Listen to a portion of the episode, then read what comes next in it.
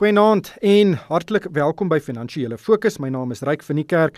En soos gewoonlik gesels ons hier op 'n Sondag aand net so voor 9uur oor die week se belangrikste sake nuus. Ek het weer twee gaste om my te help sin maak van wat gebeur het en uh, vanaand gesels Dawie Klopper saam. Hy is van PSG in Pretoria. Goeienaand Dawie. Goeienaand Ryk. En ook Mia Kreer en sy's van Kreer Internasionaal. Goeienaand Mia. Naand Ryk, naand Dawie. Mia, ek wil by jou begin. Ek wil gesels oor die Naspers filiaal Prosus wat hierdie week bykans 200 miljoen Tencent aandele verkoop het en dit het meegebring dat Prosus se belang in Tencent van so 31% tot 29% gedaal het. En in die proses het hulle 220 miljard rand ingesamel en die groep wil dit nou gebruik om in ander nuwe groeiprojekte te belê. Nou 220 miljard rand is 'n groot hoop geld. Daar is net 12 maatskappye op die beurs in uh, Johannesburg wat 'n groter markwaarde het as hierdie 220 miljard rand en Naspers en Prosus is twee van die 12. Dis 'n ongelooflike hoeveelheid geld. Wat het jy gedink van die transaksie? Ja, dis 'n dis 'n interessante transaksie. Ryk ons weet hulle gesels al vir 'n geruime tyd rondom die feit dat baie van hulle aandeelhouers wil hê hulle manier moet ondersoek hoe hulle hierdie diskonto waarteen uh, beide die Naspers en die Prosus aandele dan verhandel teenoor die aandeleprys van uh, van Tencent moet toemaak. En um, en Prosus het genoem in hulle verklaring dat as deel van hierdie hierdie uh, transaksie waar hulle nou 2% van die van hulle blootstelling aan Tencent verkoop het, hulle daardie geld gaan gebruik vir onder meer uh uitbreiding en ander geleenthede wat hulle dink goeie opbrengste kan lewer van meer as 20% per jaar en ook baie meer belangrik vir die terugkoop van hulle eie aandele. So met die met die manier wat hulle dit gaan doen, as hulle dan hulle eie aandele terugkoop, beteken dit uit die aard van die saak daar is minder aandele van Prosus in in sirkulasie wat beteken jou effektiewe aandelehouding as aandeelhouer raak groter en op daardie manier is hulle met ander woorde besig om die hoë prys van Tencent te gebruik om dan die die die uh, diskonto effens verlaag. Uit die aard van die saak gaan so 'n klein gedeelte van van hierdie uh, verkoop nie nie die diskonto noemenswaardig verlaag nie, maar dit mag tog 'n effek hê daarop. Ja, Dawie, ek dink hier's baie verskillende opinies oor die transaksie en Naspers se strategie en indien hulle nou so bekommerd is oor die diskonto, hoekom ontknoop hulle nie net al die Tencent aandele aan aandeelhouers nie? Dit gaan dan meebring dat daar geen diskonto is nie. Presies, dit sou 'n wesentlike verskil kon gemaak het um, aan wat om om hierdie diskonto toe te maak. En ek dink dit sou die ideale manier wees om dit te doen. En dit is waarskynlik een van die enigste maniere om die diskonto behoorlik toe te kry. Die mark is duidelik nie heeltemal tevrede met hierdie transaksie nie. Meer die aandelepryse het sedert 'n hoogtepunt wat bietjie voor uh, aangeteken is net voordat die transaksie nou aangekondig is het die aandelepryse van beide Prosus en Naspers redelik skerp gedaal onderskeidelik met 17 en so 11% vanaf die hoogtepunte onlangs hoogtepunte af na waar dit nou staan so die mark is in elk geval nie heeltemal tevrede met hierdie manier van doen nie Die vraag is gaan dit effektief wees? Mia het nou gewys of of ons vertel wat hulle beoog om met die geld te doen en ek dink die mark is bekommerd dat dit wat hulle beoog met die geld te doen nie naaste my so effektief sal wees soos 'n belegging in Tencent nie. Ek dink op 'n ander vlak 'n voorbeeld van waar dit wel gewerk het om 'n diskonto tog op 'n manier toe te kry, ook nie heeltemal nie, was PSG wat sy Capitec aandele uitgedeel het. So dit het 'n redelike groot impak gehad om daar 'n verbetering tot tot gevolg te hê, maar ook nog nie heeltemal nie. So die enigste manier gaan wees om 'n behoorlike om om al hierdie Tencent aandele vir aandeelhouers te gee en dan kan ons almal wat dan nou Naspers het op die oomblik en Tencent of uh, ontvang self besluit of ons ons Tencent wil hou al dan nie en of ons die wat oorbly van Naspers wil hou al dan nie.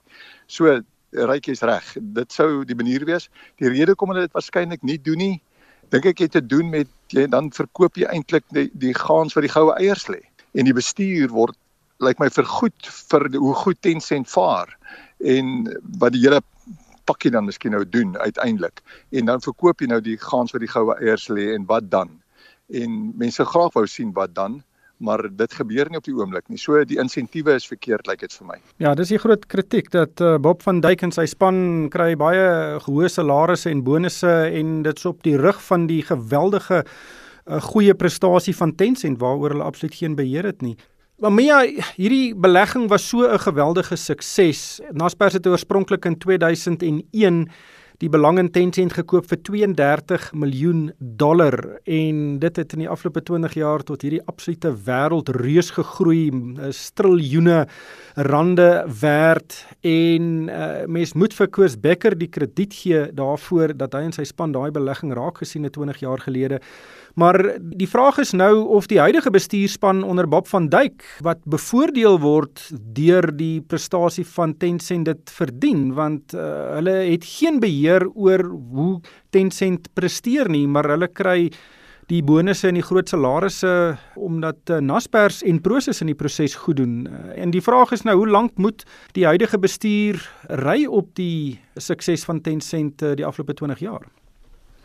Ja, reg, dis 'n goeie vraag. Die punt is dat wanneer ons kyk na enige houer maatskappy wat beleggings maak en dan um, namens hulle beleggers, met ander woorde namens die beleggers van die houer maatskappy soos wat ons nou vir Naspers of Prosus sal sien in hierdie geval, dan is daar altyd die die risiko dat daar goeie beleggings gemaak gaan word wat dan vir jou in 'n moeilike posisie gaan plaas om te dink dat jy dit nou beter gaan vaar um, as hulle dit uithaal en dan jou uitkeer as belegger.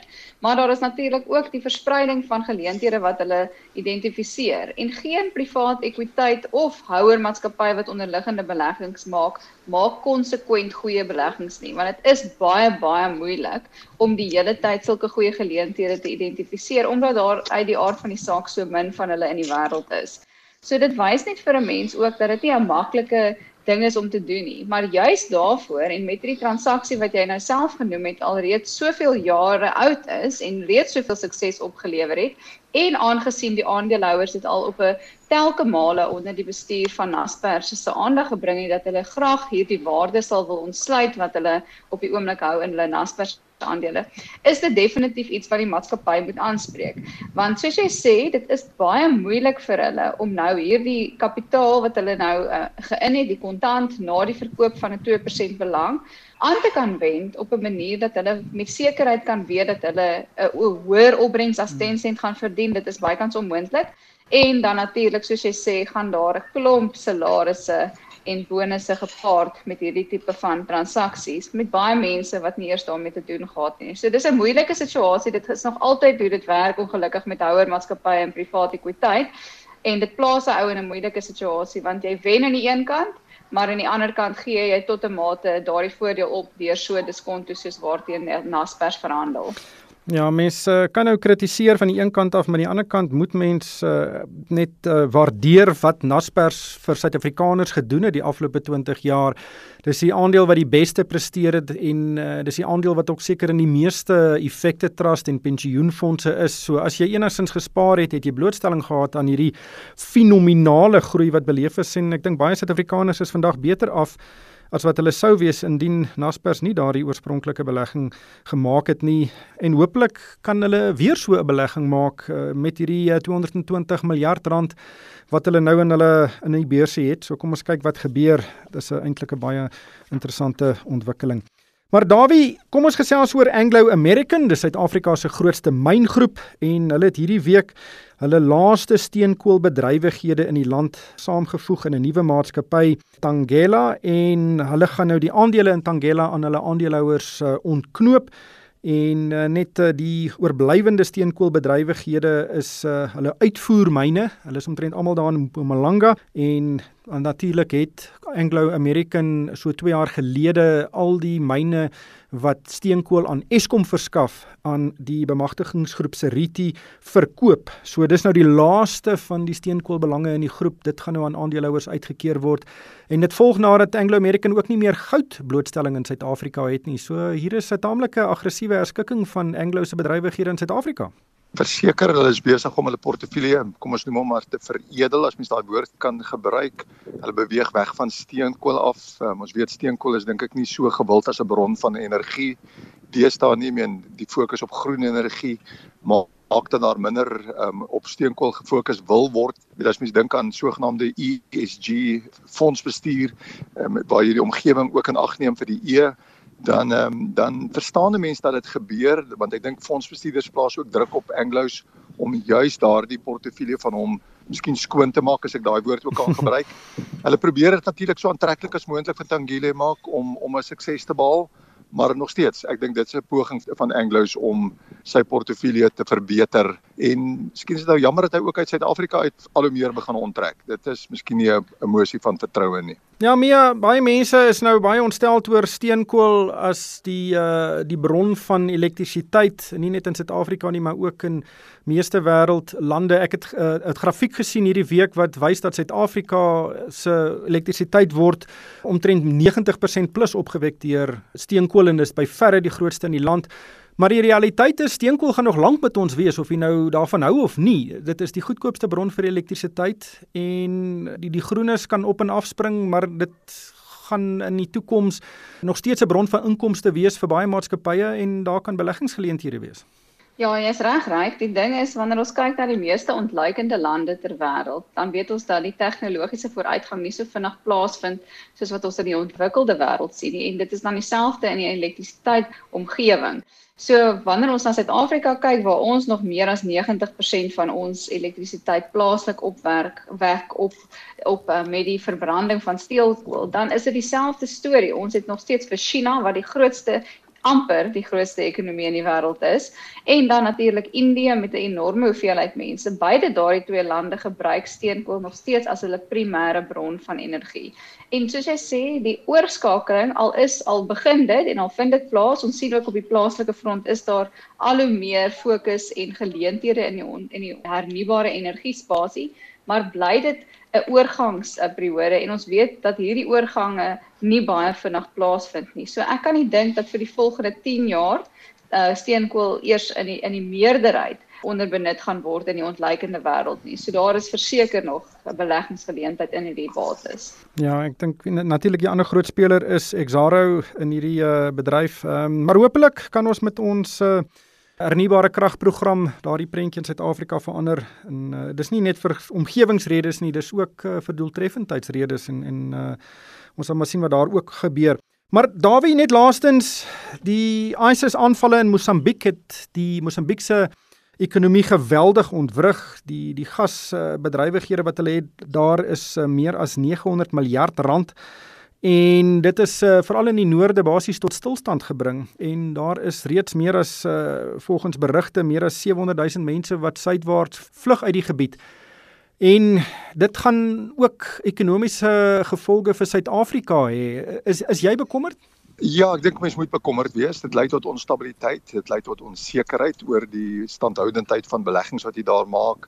Jy vra die vraag wat doen dit aan toerisme? Ek meen as jy hoor van Mosambiek en jy wil miskien daar gaan vakansie hou en jy ken nie miskien presies hoe lyk die land se uitleg nie, dan gaan jy dalk versigtig wees om Mosambiek toe te gaan. Ek weet dit is ver noord soos jy sê 2000 400 km noord van Maputo. So dit dit is ver, maar nogtans dit lei tot daardie onsekerheid. En dan die vraag is net, jy weet, wat gaan maatskappye wat daar wil gaan ontgin van daardie natuurlike hulpbronne wat daar is. Gaan hulle gaan hulle wil betrokke raak want hulle gaan die vraag vra, weet hoe gaan dit oor die langtermyn werk? En uh, dis dink ek moet 'n mens moet 'n mens sê jy moet bekommerd wees oor dit wat nou daar gebeur en dit moet baie vinnig gehanteer word as wat dit tans op die oog op die oomblik of dan ten minste op die oog af hanteer word. Ja, ek dink ehm um, weet mens moet sien dat Mosambiek is 'n groot lewer 'n groot bydrae tot hierdie liquide natuurlike gas wat daar ge, ge, onttrek kan word uit die uit die see uit en ehm um, dit gaan alles geraak word. So en dan moet mens ook net vra is daar dalk net 'n ander agenda wat aan ons as dit wat aan ons voorgehou word rondom al hierdie gebeure in die noorde van Mosambiek. Ja, ek dink hoe langer daardie probleem voortduur, hoe groter gaan daardie probleem word. Suidelike Afrika is eintlik 'n gebied wat baie nou saamwerk. Ekonomieë is uh, afhanklik van mekaar. So ons sal maar sien wat daar moet gebeur.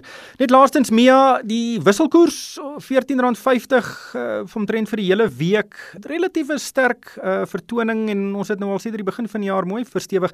Hoe hoe sien jy die wisselkoers? Is dit uh, wat is die redes hoekom dit uh, oënskynlik so sterk is?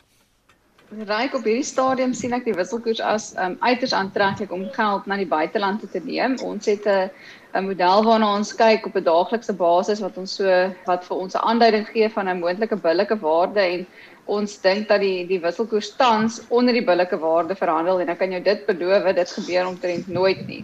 So op hierdie stadium is dit ook moeilik om te sê waarom die rand so sterk is. Ons kyk na die ander ontleikende lande en dit lyk nie dieselfde as wat ons sien in Suid-Afrika met die wisselkoers hier nie.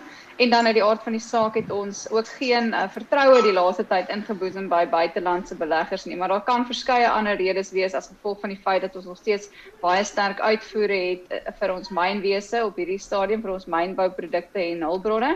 Maar ek sê dit net benut op hierdie vlakke wat ons nou verhandel om jou buitelandse blootstelling uh, te verhoog indien jy dit nog nie reeds gedoen het nie. Dawie, stem jy saam? Ja, mens moet saamstem. Die rand is sterk, dit bied vir jou nou 'n geleentheid om weer geld land uit te neem om jou portefeulje te diversifiseer.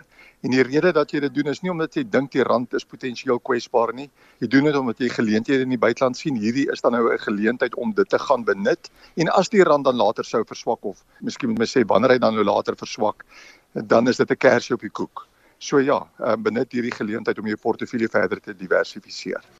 Ons sal daarmee halt roep baie dankie Dawie en uh, Mia vir julle deelname vanaand. Dit was Dawie Klopper van PSG en ook Mia Kreur van Kreur Internasionaal en vir my ryk van die kerk. Dankie vir die saamluister en ek hoop almal 'n winsgewende week.